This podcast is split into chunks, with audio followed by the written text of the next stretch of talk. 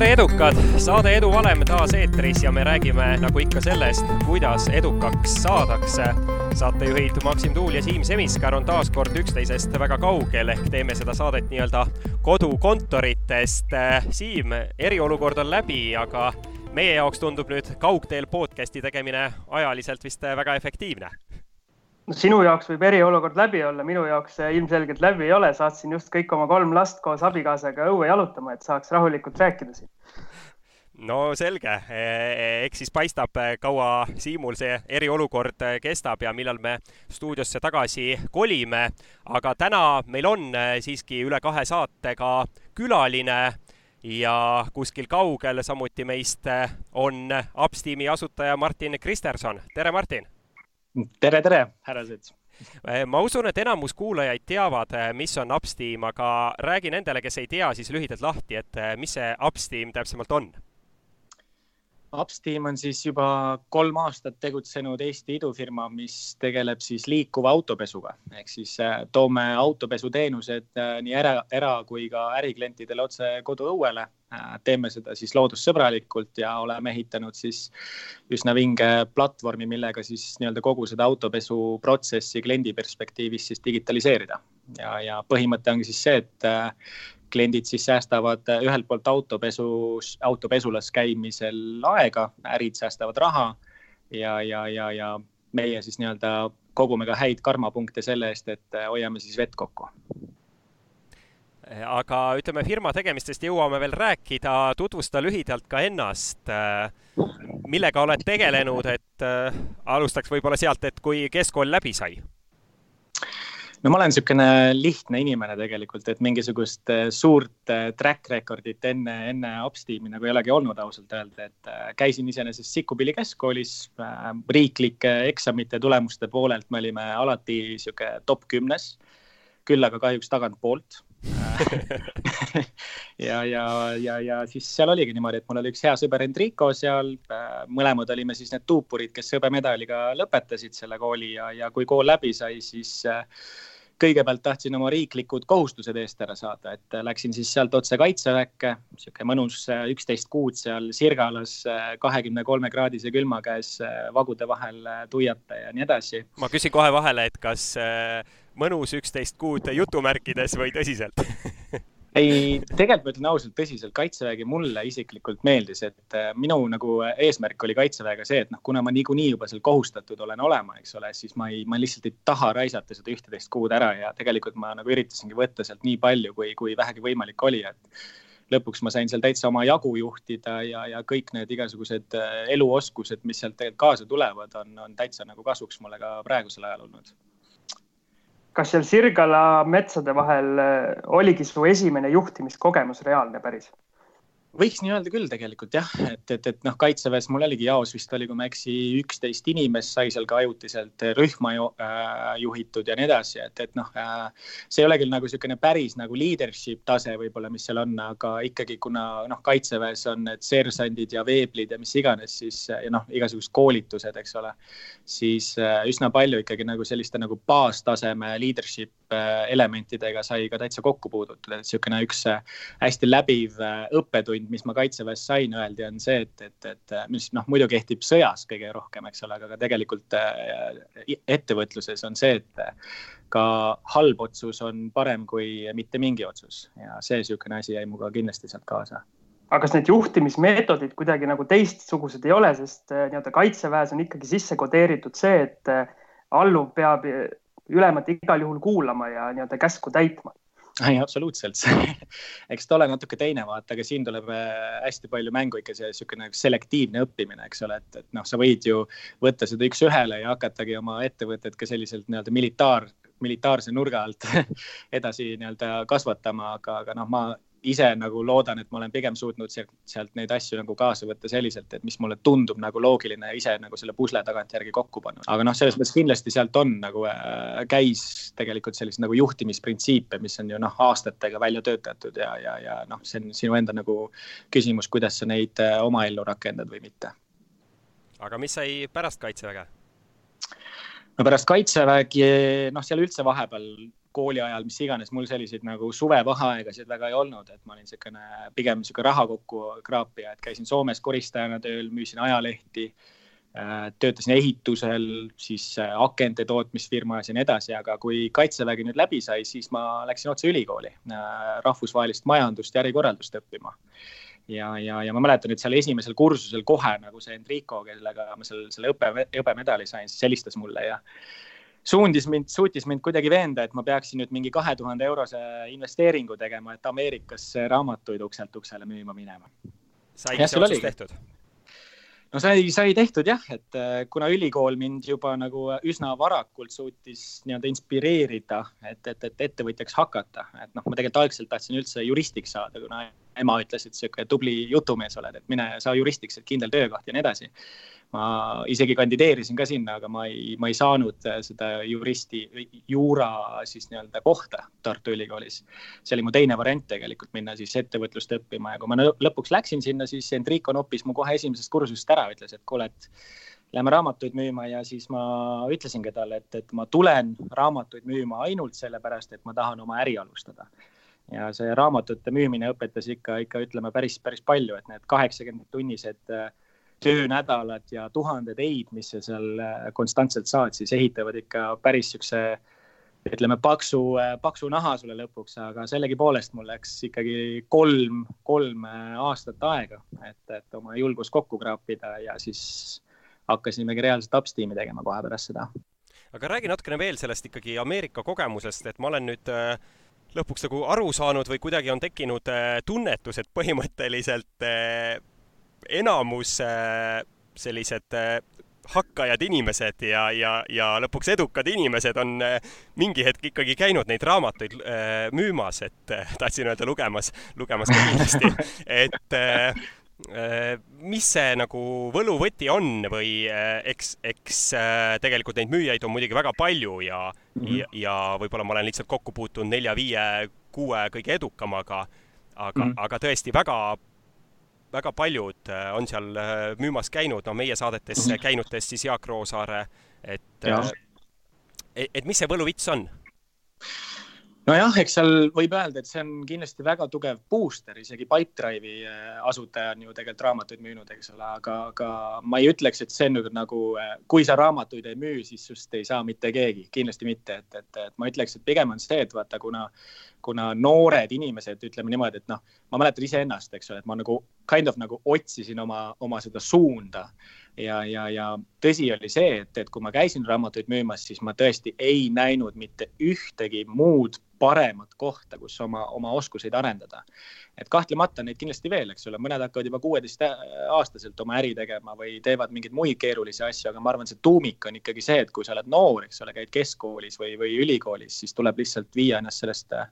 turvatsoonist välja ja konstantselt areneda, arendada ennast, et noh, seal ongi. ja ma ei mõtle ainult nagu mingisugune book smart või nagu raamatutarkus, eks ole, vaid konkreetselt asjade tegemine praktikas ja sealhulgas ongi nagu hästi olulised oskused nagu inimeste oskused, eks ole, suhtlemisoskus, sinna juurde veel müügioskus oskus, iseenda motiveerimise oskus, eks ole, et noh, kui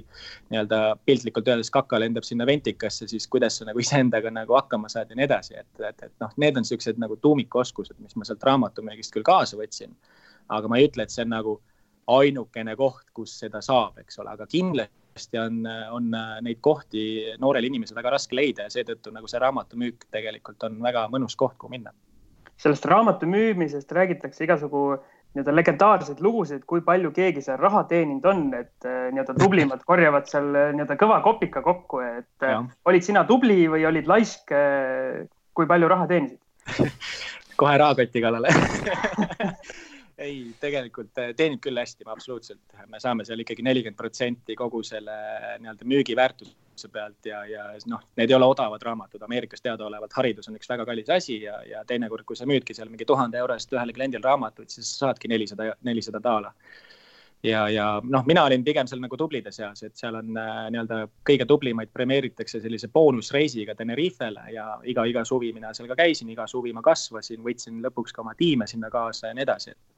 ma ei ütleks, et ma olin seal äh, nii-öelda top top, top üks või top kümme isegi, aga, aga kasvasin väga kenasti ja, ja iseenesest seal nagu raha teenimisvõimalused on head, ma ütleks, aga see ei ole nagu noh, see ei ole nagu see eesmärk, miks sinna minnakse, see on nagu selline nagu ütleme, paradoks, et kui sa lähed sinna raha pärast, eks ole, siis sa raha ei teeni, kui sa lähed sinna õppimise pärast, siis raha tuleb boonusena kaasa. aga mina arvan või ma ei tea, kas sa kinnitad mu sellist äh, mõtet, et üks see väga oluline osa on kindlasti ikkagi müümine, et ma ei räägi mm -hmm. nüüd äh, raamatute müümisest, vaid sa tegelikult õpid nii-öelda iseennast müüma, et äh, kindlasti ka nüüd Upsteami nagu alustades on ju vaja olnud seda mm. -hmm no see on minu arust nagu number üks, üks oskus tõesti nagu, et noh, kui sa oskad müüa, sa oskad suhelda, sa oskad kõike muud teha ja ma ei räägi ainult siin sellest, eks ole, et sa peaksid kohe pärast raamatumüüki või, või ülikooli minema midagi nagu müüma, et ma müün, müün raamatuid sellepärast, et saada müükariks, vaid, vaid noh, tegelikult üleüldse, eks ole, kui me räägime siin eduvalemist, siis eduvalem ongi tegelikult äh, oskus piisavalt äh, hästi kommunikeerida oma sõnumit äh, õigetele inimestele ja läbi selle siis saavutada neid asju, mida sa soovid. ja see ei ole üldse nagu niisugune nagu pähemäärimise taktika, eks ole, vaid, vaid me räägime kasvõi lihtsaltest ideede müümisest või, või mis iganes sa tahad kunstnikuks saada, ehitajaks või, või kooliõpetajaks, siis tegelikkuses nagu müümine kui selline on äh, täiesti nagu äh, standard, standardosa meie igapäevaelust.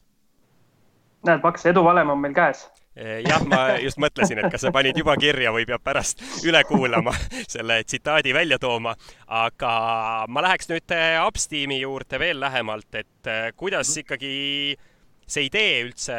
alguse sai, et ma kuskilt olen kuulnud, et sellegi idee said Ameerikast nii ta on jah, et noh äh, ideed vaata jõuavad nende inimesteni, kes äh, piisavalt palju on liikuvuses ja kui sa oled Ameerikas kusagil South Carolinas ja näed täiesti uut maailma, siis äh, seal tihtipeale saadki selle inspiratsiooni, et midagi teha. aga jah, minu puhul oligi see, et esimene suvi South Carolinas müüsin raamatuid ja, ja, ja koputasin selle ühe emme uksele ja siis kõrval naabri juures nägin, et tuli niisugune aut-, kireva värvilise autoga nii-öelda noh pakkuja siis sinna maja juurde ja hakkas siis niisugust nagu väiksest furgoonist survekaga siis kliendi autot pesema. ja sealt mul nagu klikkiski ära lihtsalt, et, et miks nagu autopesu kohe alguses nagu sellisena ei leiutatud ja mulle tundus see nagu nii lihtne ja nii loogiline nagu ärimudel ja, ja siis oligi see, et, et kuna äh, kuna müügihooaeg oli suviti, siis vahepeal käisin ikka ülikoolis ja juba pärast esimest suve ma hakkasin siis nagu koolipingis seda Upsteami äriplaani nagu arendama Alg. algselt ta nimi oli tegelikult Steam Wash OÜ, sihuke hüpoteetiline ettevõte, eks ole. aga, aga kolm suve oli tehtud, siis mul oligi juba üsna-üsna põhjalik äriplaan valmis ja noh, raamatumüügist siis ka algkapital olemas ja, ja nüüd ka see nagu raamatu müümisest tulnud see julgus, et, et siis sellega nagu pihta hakata ja, ja, ja ainukene asi, mis puudu oli, oli see, et, et, et, ähm, et ei olnud tiimi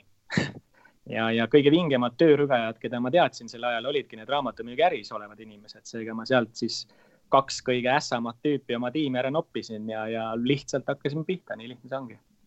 ma küsin vahele, et kas sul oli tol hetkel endal auto ja oli sul reaalne vajadus autopesu järgi ka või või puhtalt tekkiski selle järgi, et sa kõrvalt nägid, et mingi asi justkui töötab? see on natukene kombinatsioon mõlemast, et mul oli küll auto, mul oli niisugune vana, täpselt minu vanune auto, kusjuures musta värvi Mazda kolm kaks kolm F, niisugune roostes pann. ja, ja, ja ma olin ise tudeng, eks ole, et siis ma nagu investeerinud väga palju pappi nagu äh, autopesusse ka, aga niisugune aastas kord kaks ma nagu nii-öelda autole sünnipäevakingiks ikka ühe korraliku pesu tegin aga mul käis see niimoodi tavaliselt, et ma siis olin need äh, vautšeri lehed, eks ole, kus sa otsid neid äh, miinus seitsekümmend prossa allahindlusega mingeid vautšereid ja siis ma alati ostsin nagu siukse kõige vingema listiga selle vautšeri kokku ja läksin siis autopesulasse, aga need olid alati kusagil sihuke linnast väljas mingisuguses urkas olevad äh, käsipesulad, kuhu viisidki auto kohale ja siis öeldi sulle, et davai, et nüüd kolm tundi äh,, tule, tule kolme tunni pärast tagasi ja siis sa seisad seal keset põldu, et no okei okay,, mis ma nüüd nagu teen. et sealt nagu niisugune vajaduse element küll tuli, aga ma ei tuvastanud seda sel hetkel, aga siis, kui ma hakkasin seda äriplaani nagu edasi arendama, siis mul hakkas nagu peas tiksuma küll, eks ole, et nagu ma ütlesin ka, et noh, minu arust see on nagu nii lihtne ja loogiline, et noh, miks ma pean viima oma auto ise pesulasse, eks ole, et noh, justkui ma maksan äh, peale selle eest, et ma saaksin mingisugust teenust läbi selle oma aja ja läbi kütuse ja, ja, ja nii edasi. aga, aga jah, et, et oota, mis see küsimus oligi Õnneks sa vastasid ära, sest ma ka ei mäleta. küsimus oli, et kas sul on auto, aga mm, eh, ma tuleks tagasi. ma küsin, eh, ma korra küsin vahele, kui sa nüüd ei pahanda, et ma siin katkestasin, et eh, mind huvitab see, et kui nüüd see äri, äriplaan sai valmis, kui pikk aeg läks reaalselt nii-öelda esimeste tegevusteni ehk siis äriplaanist nagu esimese nii-öelda reaalse tegevuseni? Ma ütleks, et see käis üsna kiiresti, meil äh, noh, esimene tiimiliige, kelle juurde ma läksin, oli Valjo Kütt, eks ole, tema oli üks niisugune kõige eeskujulikamaid tüüpe, kellele ma alt üles vaatasin juba seal Raamatamiga ajal ja, ja ma läksingi niisuguse PowerPointiga tema juurde ja näitasin talle, et näed, esimese aastaga teenime, teenime juba miljon eurot ja, ja ütlesime, et davai, lähme teeme autopesufirmat. ja siis ta ütles äh,, davai, teeme ära. Ja siis, äh, kui oli Valjo olemas, siis paar nädalat hiljem tuli meil Aleksis ja, ja kui tiim oli koos, siis põhimõtteliselt hakkasime kohe pihta, kuna noh, üks eelis oligi see, et vaata, ma olin nagu kolm aastat juba seda ärimudelit või äriplaani nii-öelda nagu läbi mõelnud ja nagu pilt oli enam-vähem nagu selge, eks ole, et mida ja kuidas me nagu tegema peame. küll aga me ei teadnud, meil ei olnud mitte mingisugust nagu tehnoloogiat, eks ole, ja, ja, ja siis nagu tuligi see, et lihtsalt äh, ostsime kusagilt auto kahekümne neljast niisuguse kasutatud minikaubiku. Aleksis siis sõitis äh, oma autoga Eestist Itaaliasse, tõi meile sealt esimese aurumasina ja siis kusagil Bauhofi parklas me hakkasime siis seda pesukaubikut nüüd ehitama, et äh, kenekas ja tööriistad olid parklas kaasas ja lõikasime seal metallist juppe välja ja käisime niimoodi ühe poldi või ühe kruvi haaval siis seal poes neid äh, varuosasid ostmas ja niimoodi me seal kõrval selle valmis ehitasime ja umbes sihuke,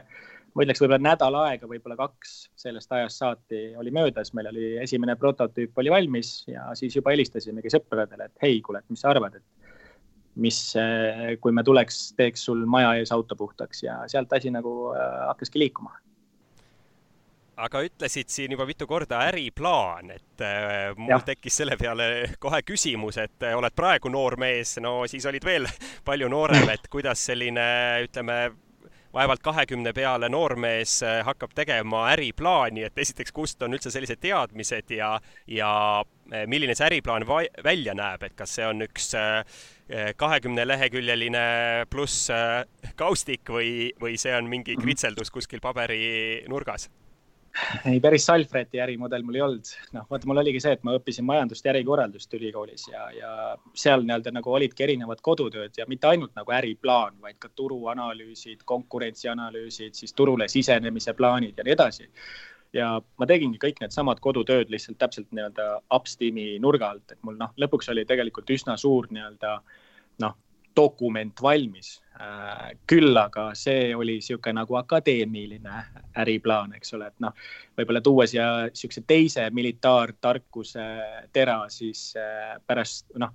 sul võib olla ükskõik kui hea plaan, aga pärast e-, esimest püssipauku ei ole enam mitte mingit plaani ja tegelikult meiega oli ka seesama, et, et noh, see äriplaani tegemine küll, ta oli väga põhjalik. Aga mis ta tegelikult meile andis, oli see, et noh, me enam-vähem teadsime, mida ja kuidas me tahtsime teha ja, ja kui me hakkasimegi seda päriselt tegema, siis muidugi see reality oli hoopis midagi muud. aga ikkagi kasulik oli see, et meil see äriplaan oli sest et äh, kui oleks esimene püssipauk käinud, siis me oleks võib-olla kehitanud õlgu ja öelnud, okei okay,, aga mis nüüd edasi. aga kuna äriplaani ei ole olemas, siis ta annabki sulle natuke niisuguse nagu mingisuguse suuna, kuidas sa võiksid äh, erinevates äriolukordades siis käituda. Aga kuidas sa seda turuanalüüsi siis tegid, et äh, põhimõtteliselt ma saan aru, et USA-s nägid, et keegi teeb midagi mhm. sarnast, et ütleme, seal on olemas, siis hakkasid vaatama, et kas Euroopas on ka midagi taolist ja, ja leidsid, et väga ei ole?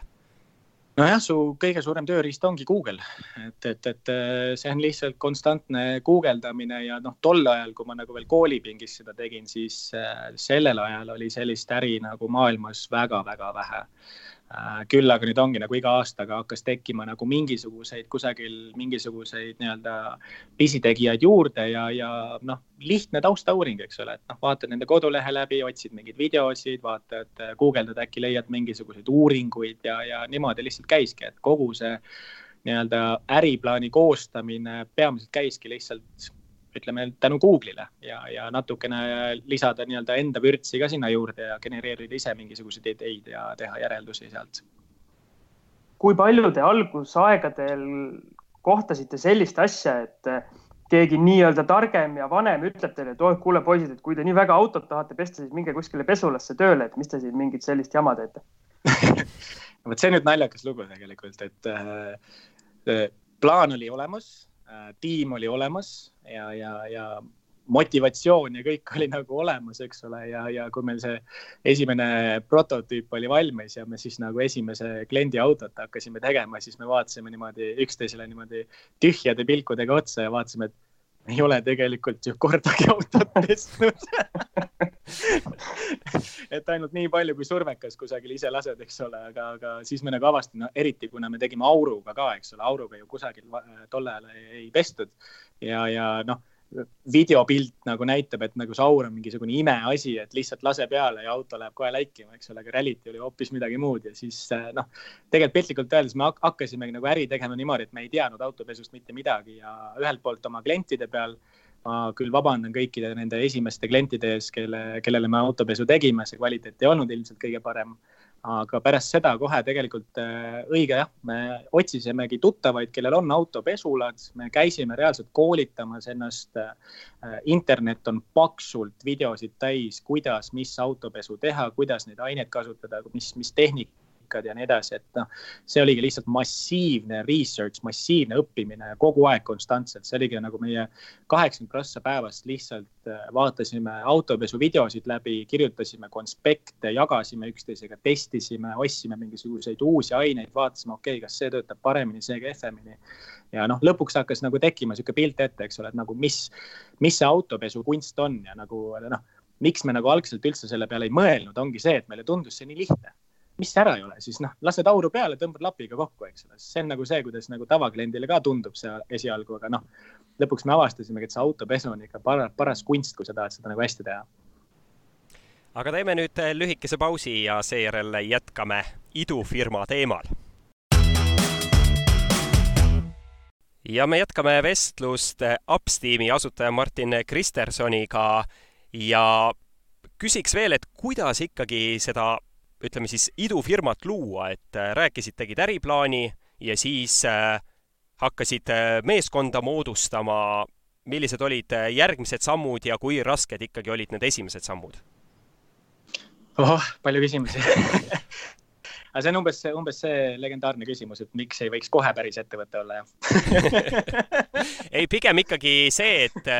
meie kuulajad ka, et kellel tuleb näiteks mingi idee mm, -hmm et siis kuidas ta ikkagi sammu-sammult äh, suudaks seda ka ellu viia, et äh, no mhm. äriplaan, okei okay,, tegin ära, äh, siis hakkasin meeskonda moodustama, et tegelikult ma tean, sa oled kuskil intervjuus rääkinud, et sul oli päris huvitav põhimõte, kuidas sa meeskonda moodustasid, et äkki räägid meie -hmm. kuulajatele ka sellest? okei okay., ma võib-olla keriks täitsa algusesse ja annaks niisuguse nagu ülevaate ka sellest, et mis minu arvates võib-olla on, ütleks ikka nagu idufirma ja siis corporate äh, firma vahe. et, et, et äh, lihtsalt anda natuke nagu valgust siia juurde, et äh, minu jaoks nagu peamiselt see vahe on selles, kuidas kogu see töö käib. et idufirmas käib see töö niisuguses meeletus ebakindluses ja, ja, ja keskendatakse kasvule tehakse seda tihtipeale ka ohverdades muid ärilisi faktoreid nagu äh, olgu see siis kasum, toote valmisolek, efektiivsus ja nii edasi küll aga see ei tähenda nüüd seda, et idufirma peaks kuidagi nagu kehvemat toodet või, või teenust pakkuma, aga, aga pigem vastupidi, et äh, idudel nagu polegi justkui seda finantsilist või mis iganes privileegi, ütleme nii, et äh, ehitada siis valmis tooteid suurel skaalal. aga, aga just seetõttu ongi nagu minu jaoks isiklikult on see, et enamus idufir-, idufirma nagu tooteid võivad olla nagu poolikud ja pooleldi vigased, kuna, kuna nad justkui nagu keskenduvad sellele, mida klient tahab ma ei tea, kas see nagu loogiline on või mitte, aga see noh, kokkuvõttes on see, et kõigepealt startup'id keskenduvad äh, kliendi vajadusele ja siis ärilisele vajadusele, et suurkorpodel on see justkui nagu vastupidi, et äh, kõigepealt äriline vajadus ja siis kliendi vajadus. ja võib-olla sellest nagu tulekski nagu lähtuda, eks ole, et kui, kui sul on see äriplaan olemas ja, ja võib-olla ütleme, et isegi tiim on olemas siis ei pea nagu mõtlema selliselt, et mul on vaja mingisugust ideaalset või revolutsioonilist äh, ideed, eks ole, et, et, et noh, nagu ma enne ka mainisin, siis tuleb lihtsalt kusagilt alustada. ja tiimi juures äh, kõige olulisem ongi see, et ma võtsin oma tiimi siis nagu esmalt need inimesed, kes on minust paremad. Ja, ja nagu Valjogagi sai öeldud, eks ole, siis ma vaatasin Valjole kogu aeg alt ülesse. Ja, ja võib-olla niisugune nagu noh, ütleme, kui sa oled noor, eks ole, ja võib-olla ei ole ka veel noh, nii palju julgust, siis nagu esimene koht, kuhu tahaks minna, on see, et läheks, räägiks oma parima sõbraga. see, seesama sõber, kellega ma siin pidudel käin ja, ja, ja mis iganes. aga see ei ole kindlasti nagu hea mõte, et äh, mina soovitaks alati vaadata nagu esmase tiimi juures just seda, et kellel on mingisugused konkreetsed kompetentsid ja kuldreegel, millest me lähtusime, on see, et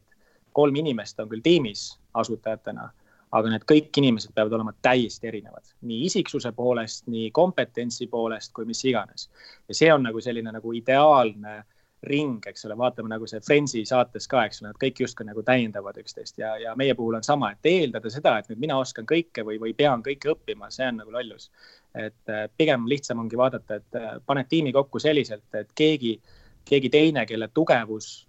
võib-olla täiendaks siis sinu nõrkuseid ja selliselt me oma esialgse tiimi nagu kokku panimegi. no see kõlab nagu ka nii-öelda tavaettevõtte puhul hea, hea juhi tunnus, et ta võtab äh, endale tööle neid inimesi, kes annavad midagi firmale juurde, ehk siis äh, teavad neid asju, mida tema ei tea. täpselt, täpselt et noh, sa ei pea olema kõige targem inimene ettevõttes, eriti tegevjuhina, sest see ei ole isegi sinu töö, sinu töö on neid äh, tarku inimesi leida aga kui nüüd äh, sellest meeskonnast edasi liikuda, et äh, kuidas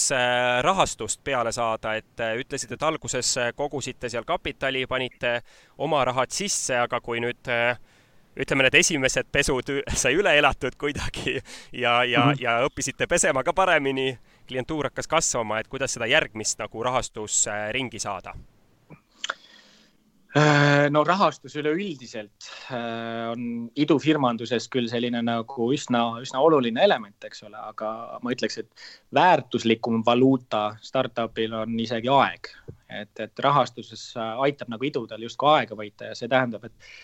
et rahastus annab küll ressursse, millega seda, neid noh, mis iganes ärielemente edasi arendada ja neid ärivõimalusi kiiremini arendada. ja, ja leidub ka tegelikult ettevõtteid või noh, idusid, kes nii-öelda bootstrap ivad, mis tähendab siis seda, et nad ehitavad äri üles nii enda kui ka kliendi rahadest. see on küll niisugune positsioon, mis on nagu pigem, pigem harvjuhus aga, aga noh, sellegipoolest rahastus, noh, sellega sa nagu justkui võidad omal aega ja kuidas see meil välja nägi, oli see, et, et, et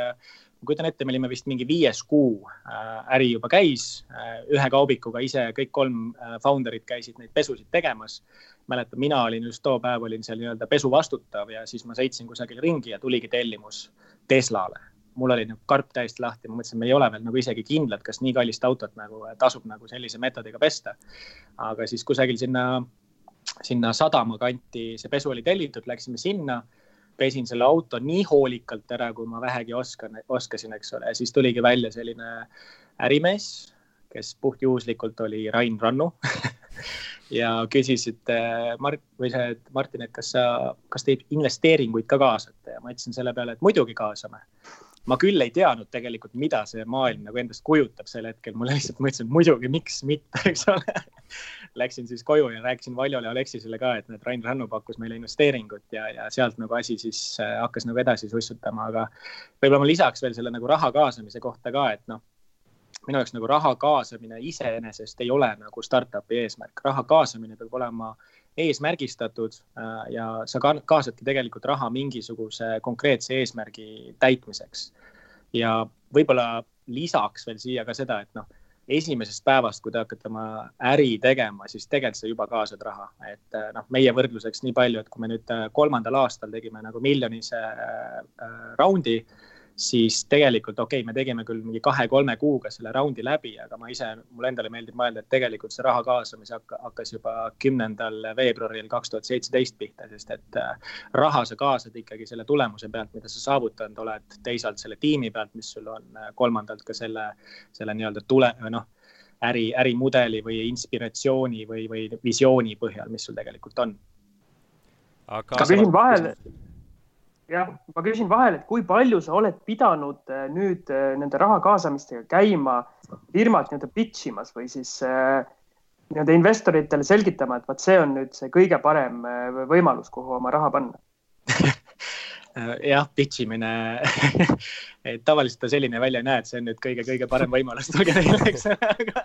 et ta on pigem sihuke nagu noh, attract imine, mitte, mitte see, et äh, that's the best, aga jah, ei, pitch imist on ikkagi üksjagu toimunud, et äh, olen seda nii Eestis kui välismaal pidevalt pidanud tegema ja, ja noh, see on nii-öelda nagu tegevjuhi üks, üks vastutus ja eriti startup'is ongi see, et sina oled nii-öelda see kõige suurem esindusisik ettevõttes, sinu usk ja arusaam sellesse ettevõttesse peab olema nagu kõige võimsamal tasemel, seega sa pead suutma nagu seda viia suure rahvani võimalikult kiiresti ja noh, pitch imine ongi niisugune nagu äh, kiire kõne, eks ole, üks kuni kolm minutit. ja, ja see on noh, kui ma ütlen nagu näiteks, et milline oli meie pitch võib-olla seal ajujahi aegadel ja milline ta on praegu, see on täiesti öö ja päev, eks ole, et, noh, sinu pitch'is väljendubki see tegelikult, kui hästi sa oma ärist aru saad ja, ja sa ei pääse üle ega ümber sellest, et sa pead lihtsalt õppima oma ettevõtet müüma pitch imisel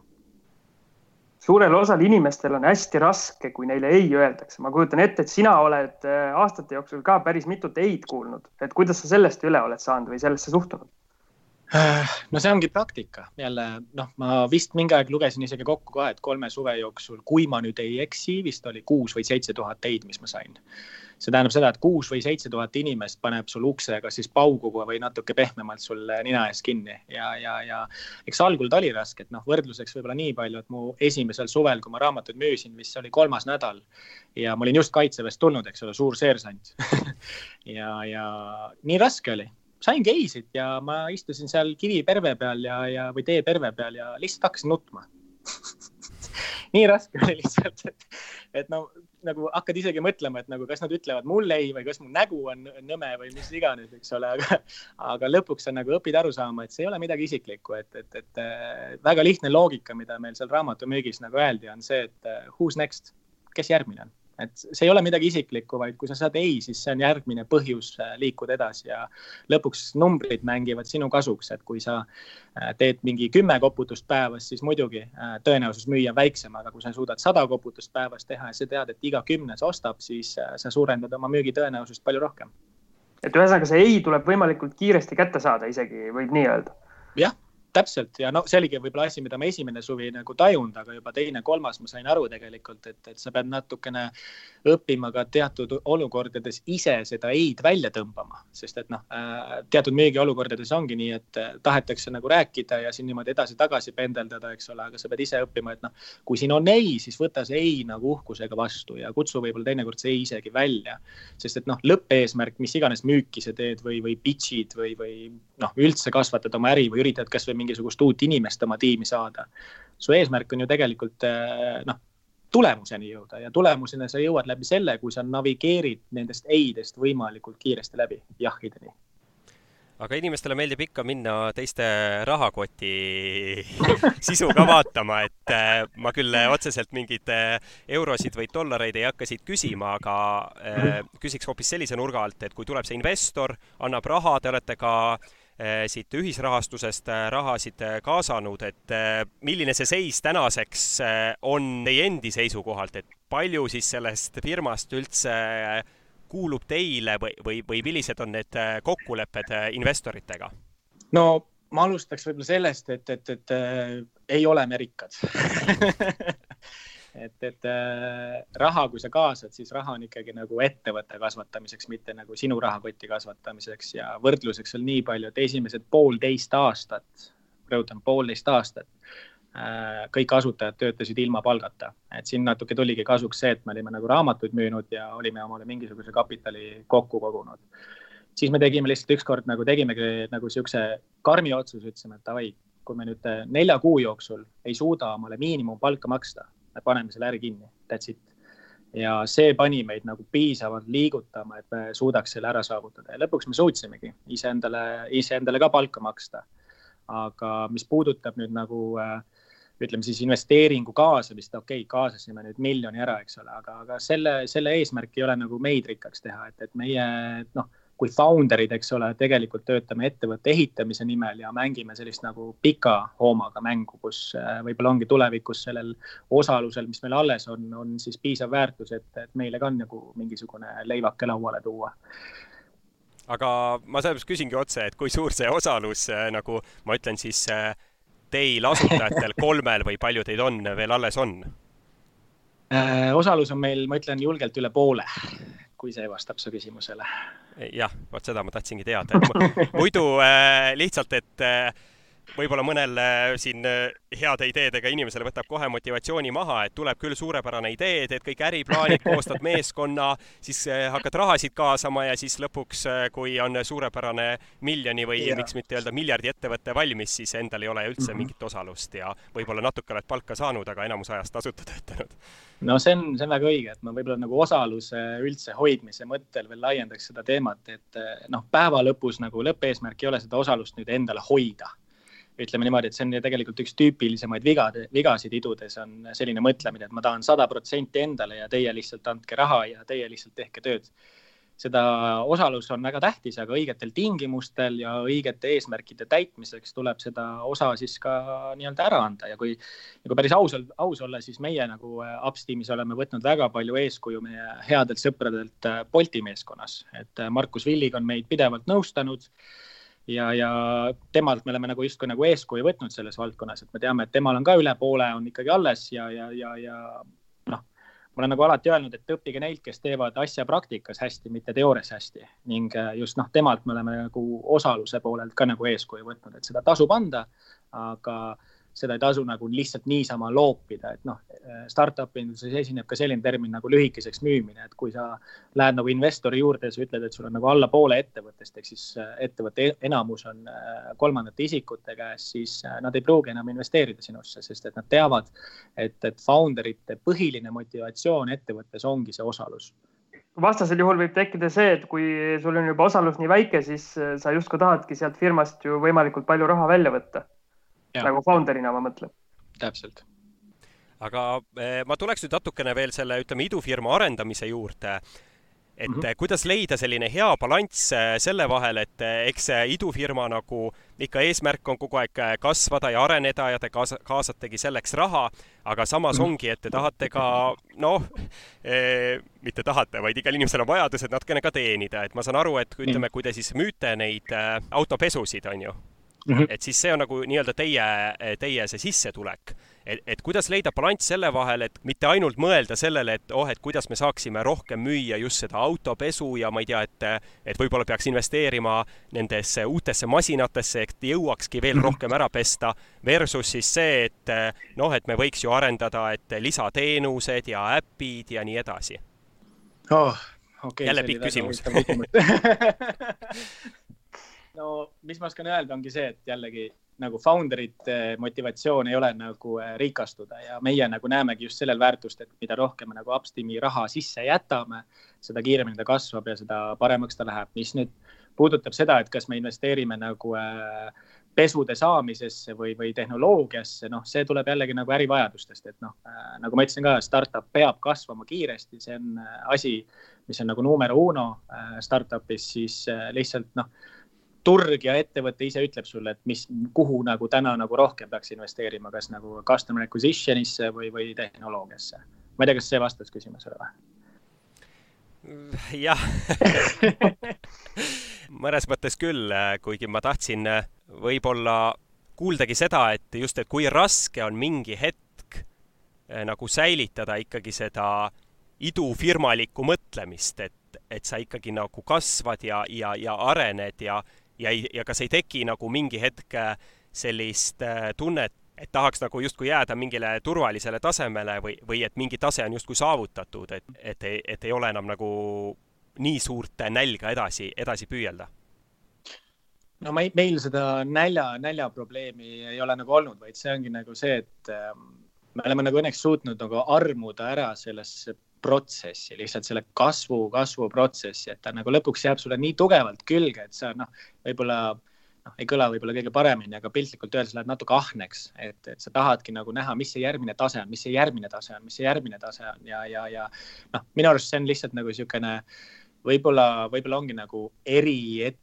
suhtlustüüpi inimeste vahe, eks ole, et kes otsib niisugust äh, nii-öelda nagu comfort zone'i või turvatsooni, eks ole, rahulikku, stabiilset äh, kasvu, siis äh, kas läheb kusagile tööle või teeb, ma ei tea, koob salle kusagil ja nii edasi. aga kui sa oled selline nagu näljane noor, eks ole, kes tahab tõesti nagu mingit noh, ütleme siis autopesu tulevikku luua, eks ole, suurel skaalal Euroopas siis, siis see, see mõte ja see, see protsess, kuidas seda nagu käivitada omaette tegelikult ongi see mõnus motivatsioon, mis meid nagu paadis hoiab.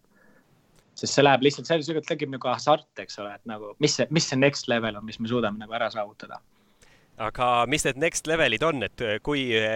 kui pikk see perspektiiv või mõte on, et kui suureks te võite kasvada ja kas teil on nagu seda küll raske ennustada loomulikult, aga soov kindlasti ise lõpuni kasvada või äh, tuleks ka kõne alla, et kunagi keegi võtab üle, nagu idufirmad ikka ära ostetakse?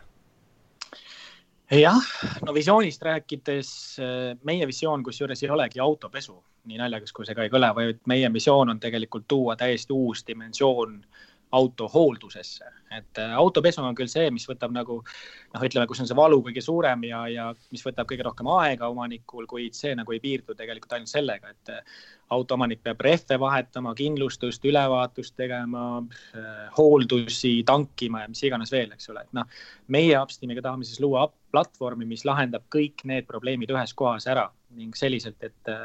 see oleks siis kliendile mugav ja, ja soodne. täna me seal küll ei ole aga nüüd see ongi nagu see kauge nii-öelda ütleme, see präänik ja oksa otsas olev porgand, mille järgi me lihtsalt äh, nagu jookseme ja praegu meil ei ole nagu sellist tunnet küll, et me tahaks nagu ettevõtet maha müüa, sest et noh äh,, võib-olla pehmelt öeldes see ettevõte ei ole veel valmis äh, maha müümiseks, aga teisalt ka meile lihtsalt, me lihtsalt näeme ise nii palju potentsiaali, mida me saame nagu ise ära realiseerida ja, ja meie äh, ei mängi nagu selle peale välja, vähemalt mitte praegu, et, et nüüd äh, ruttu pumbata ettevõte nagu suureks ja siis äh, mingisugune suurele ettevõttele maha müüa. küll aga ma ei saa välistada, et tulevikus selline asi võib juhtuda. aga. ma läheks korra ühe küsimuse, sorry, Maksel. ma läheks korra veidikene ajas tagasi meie jutus, et äh, kui te alguses selle ühe kaubikuga ringi sõitsite ja pesite -hmm. kas teil oli mõeldud sellise asja peale ka, et kui sa näiteks nüüd lähed seda Teslat pesema ja sul midagi juhtub, oli teil mingi kindlustus või midagi, kas selle peale oli ka mõeldud? Aus vastus on ei. Et, aga kas see pea, nii-öelda peast üldse käis läbi nagu selline variant, et ma ei tea, sõidad mingi Tesla ukse maha ja siis äh, võib-olla nii-öelda bye-bye kogu ettevõtlus ei noh, eks see mõte ikka käis, no täpselt siis, kui ma seda Teslat pesingi, siis mul oligi nagu niisugune mõte, et kui ma siin nüüd midagi ära lõhun, siis äh, selle käibe juures, mis meil tol ajal oli ja, ja, ja see kasum või noh, olematu kasum, mis meil tol ajal oli, siis selle juures ma vist arvutasin välja, et me oleks pidanud kaks pool, kaks pool aastat veel kolmekesi äh, autosid pesema, et, et, et see kinni maksta. aga noh aus vastus on jällegi see, eks ole, et startup indus on äh, töötamine ekstreemses ebakindluses ja, ja, ja sa ohverdadki teatud elemendid äh, selle nimel, et kasvada. ja, ja kasv ei ole nagu mitte ainult käibes, vaid kasv, kasv on ka ettevõtte founder ites, know-how's, tehnoloogias, mis iganes, eks ole, et äh, startup lihtsalt keskendub teistele asjadele võrreldes korporatsiooniga ja seetõttu meil ei olnudki nagu äh, üldse mitte mingisugust süsteemi selleks, et mis siis, kui me midagi ära lõhume või mis siis, kui see ja too ja kolmas. peamine oli see, et me saaksime pakkuda klientidele teenust, mida nad ootavad meilt, milleks on mobiilne autopesu mis oleks äh, kvaliteetne, ohutu autole ja that's it.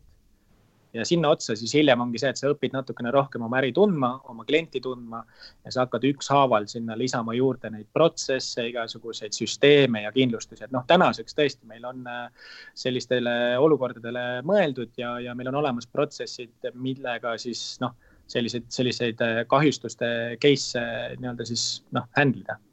tol ajal ei olnud aga tuleks äh, tänasesse päeva ehk siis äh, kriisiolukorda, mis meil äh, hetkel käimas on, et kuidas idufirmad või siis konkreetselt teie ettevõte vastu peab või kui palju te olete üldse mõjutatud olnud? no mina võib-olla ütleks algul kõigepealt seda, et minu arust see ei ole kriis. Startup'ide või noh, võib-olla või saan nagu enda eest rääkida Upsteam'i näol, eks ole, et see on pigem nagu selline võimaluste pada kui võib nii öelda, et kusagil, äh, keegi ütles ka minu arust, et äh, kõige suuremad idud on just sellistest olukordadest sündinud ja ma olen selle väitega nagu täiesti nõus, sest et äh,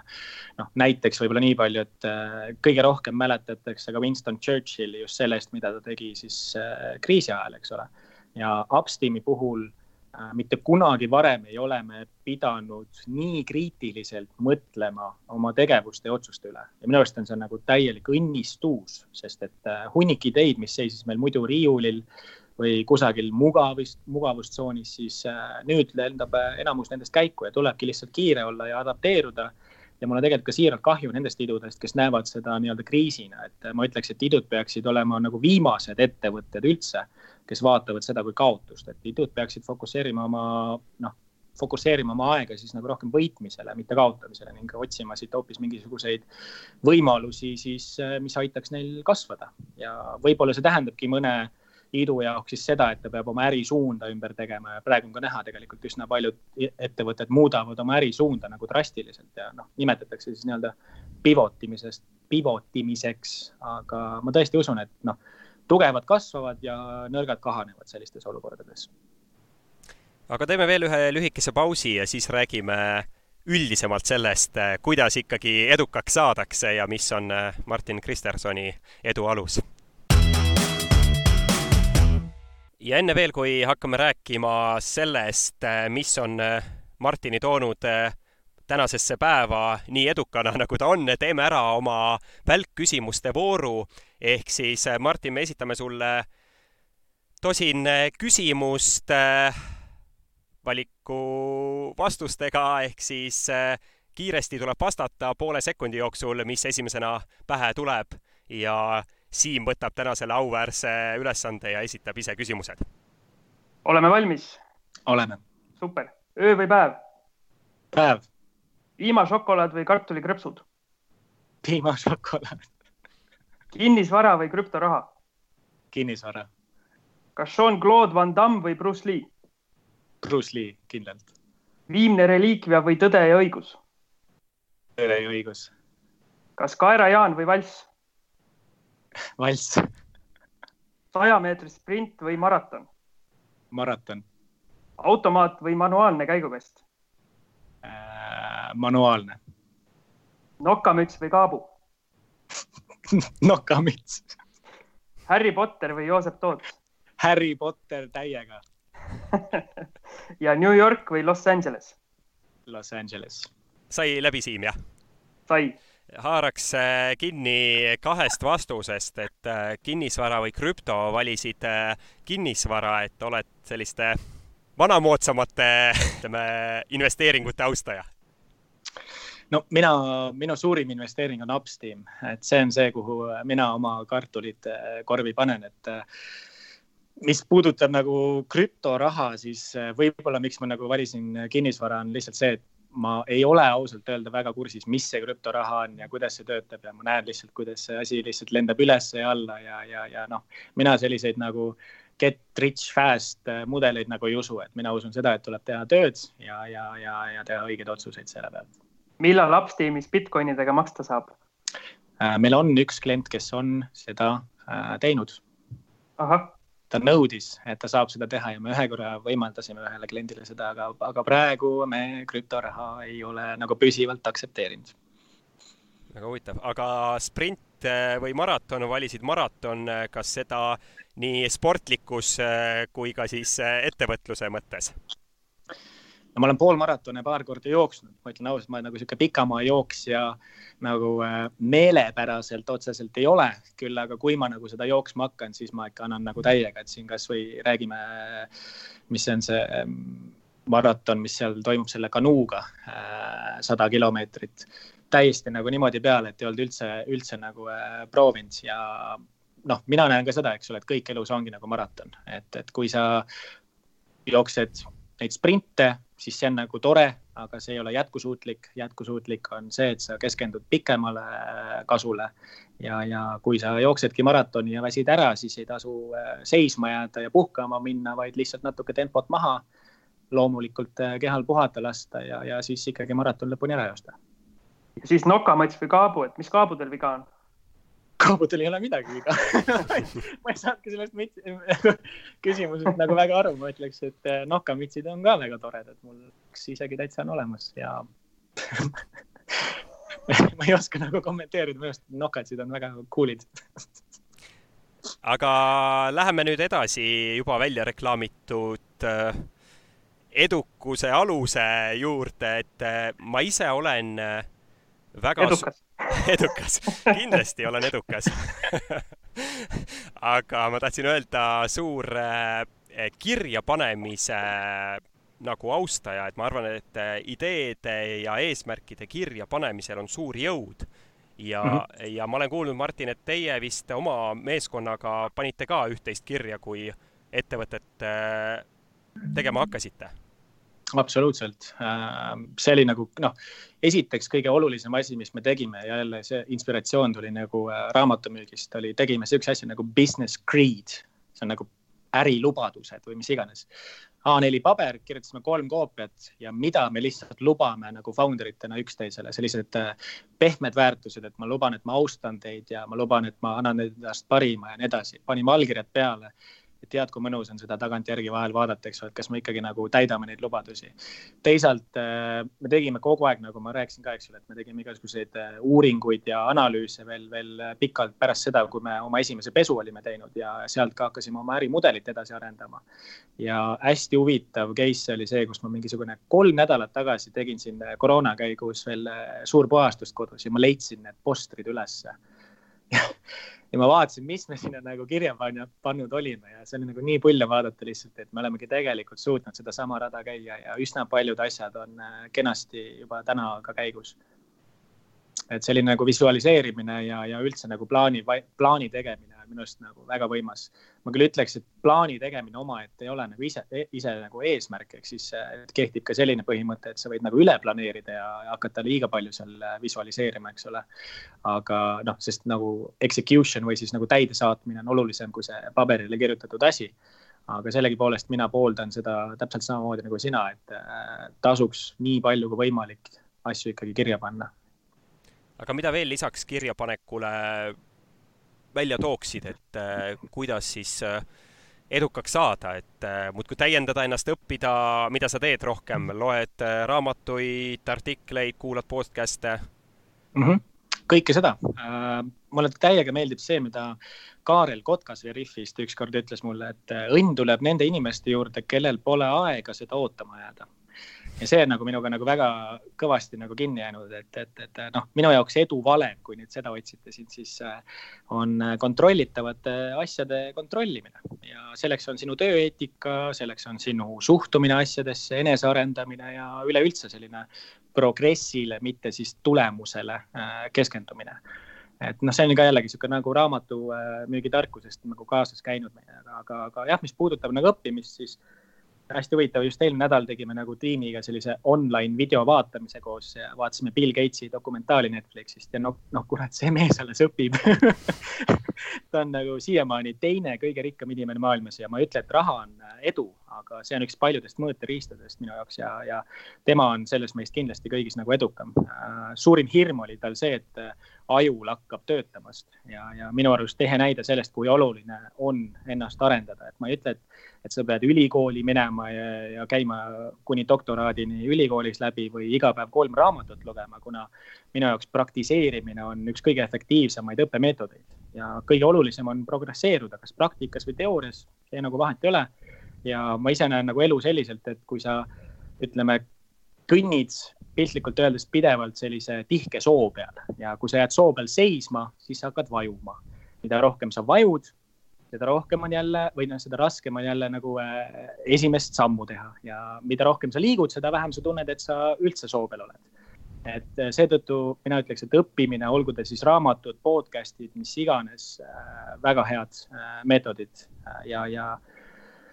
noh, mina loen ka ise pidevalt, loen raamatuid, äh, lemmikud, äh, Lean Startup, äh, Blitzscaling, see on andnud siukse nagu hästi nagu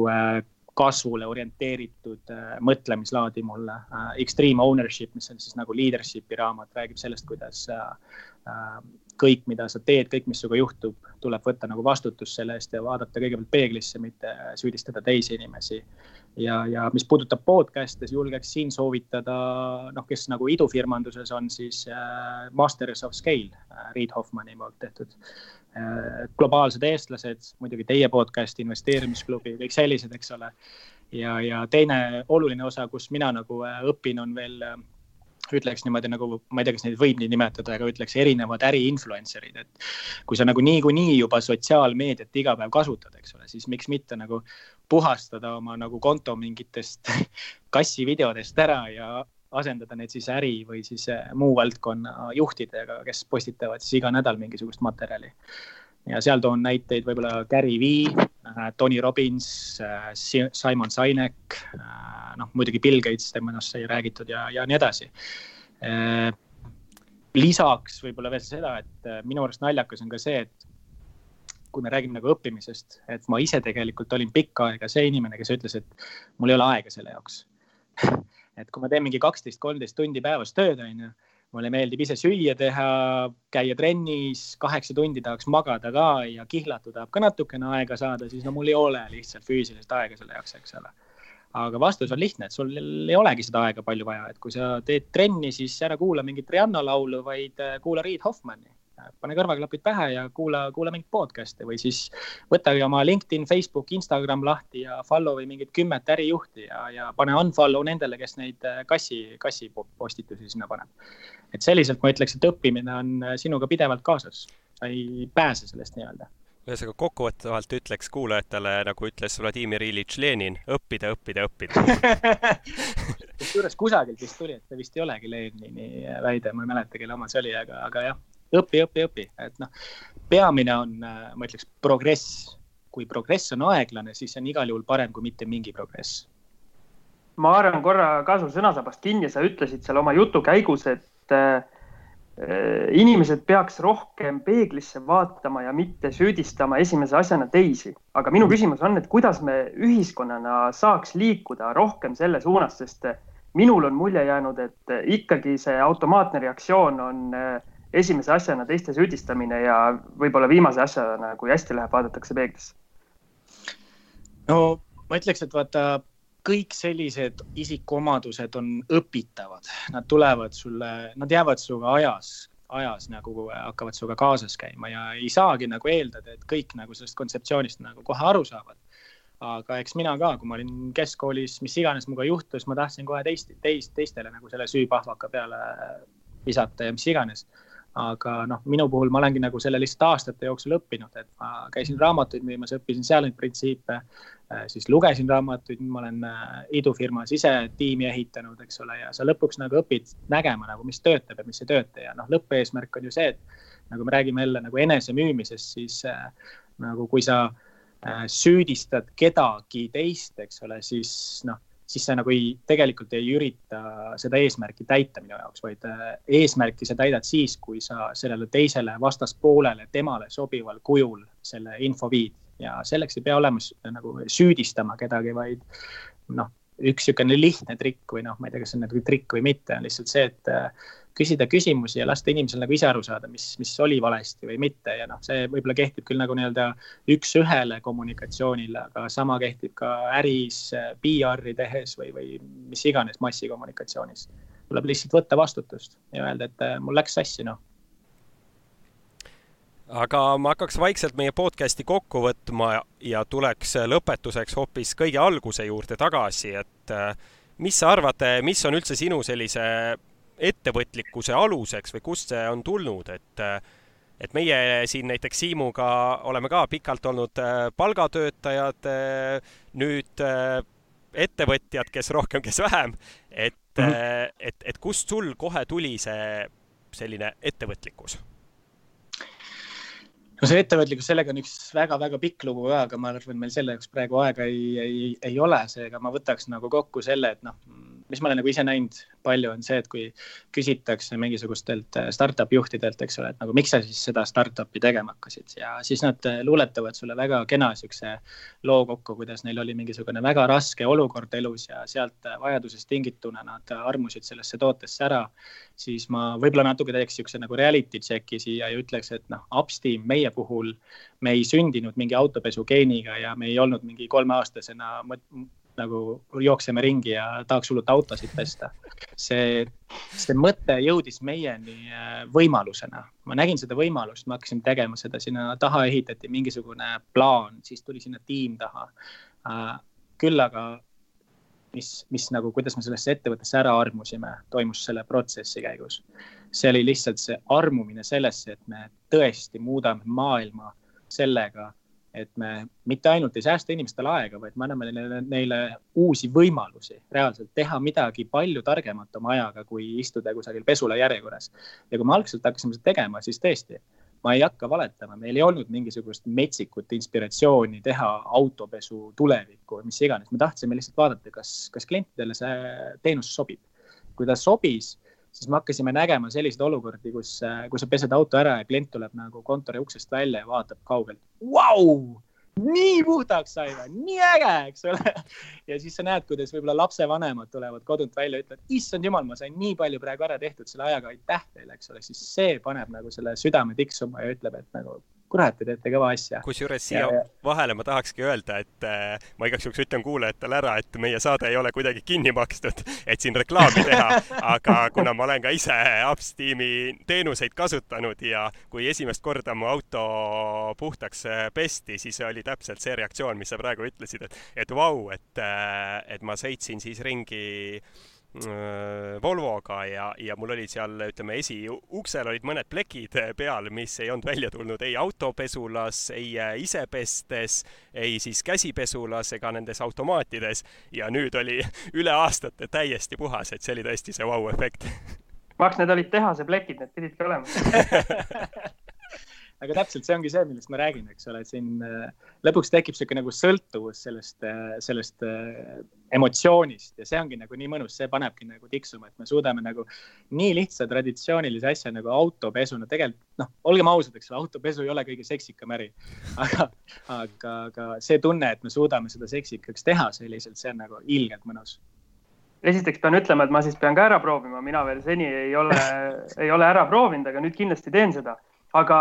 mis ma veel võtan kinni, võtan, võtan sellest, et äh, sa rääkisid sellest, et Upsteam äh, nii-öelda sündis mitte suurest inspiratsioonist autopesu vastu, vaid võimalusest. aga mm -hmm. mina oma elus olen äh, nii-öelda korduvalt kogenud, et kui sa nii-öelda kramplikult otsid mingeid võimalusi, siis mm -hmm. sa ei leia neid, aga need mhm. võimalused järsku tulevad sel hetkel, kui sa justkui nagu oled nagu nii-öelda loobumast otsinud Mhm. Või tähendab otsimast loobunud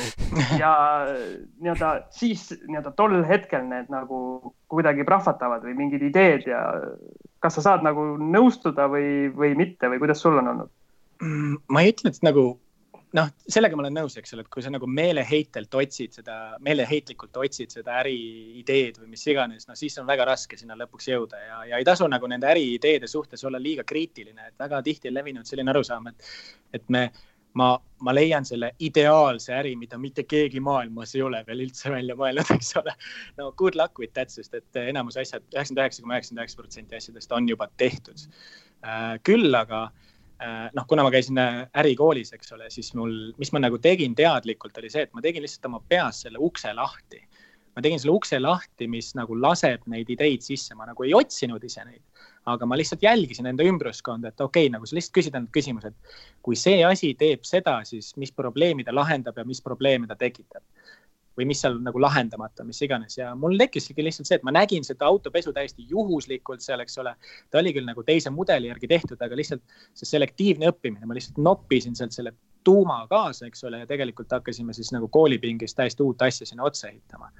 et, et noh, ma ei ütleks, et idee peab olema mingi revolutsiooniline asi, vaid, vaid äh, väga paljud ideed, head ideed tegelikult sünnivadki sellest, et äh, võetakse mingi juba olemasolev asi ja tehakse seda mingisuguse väga olulise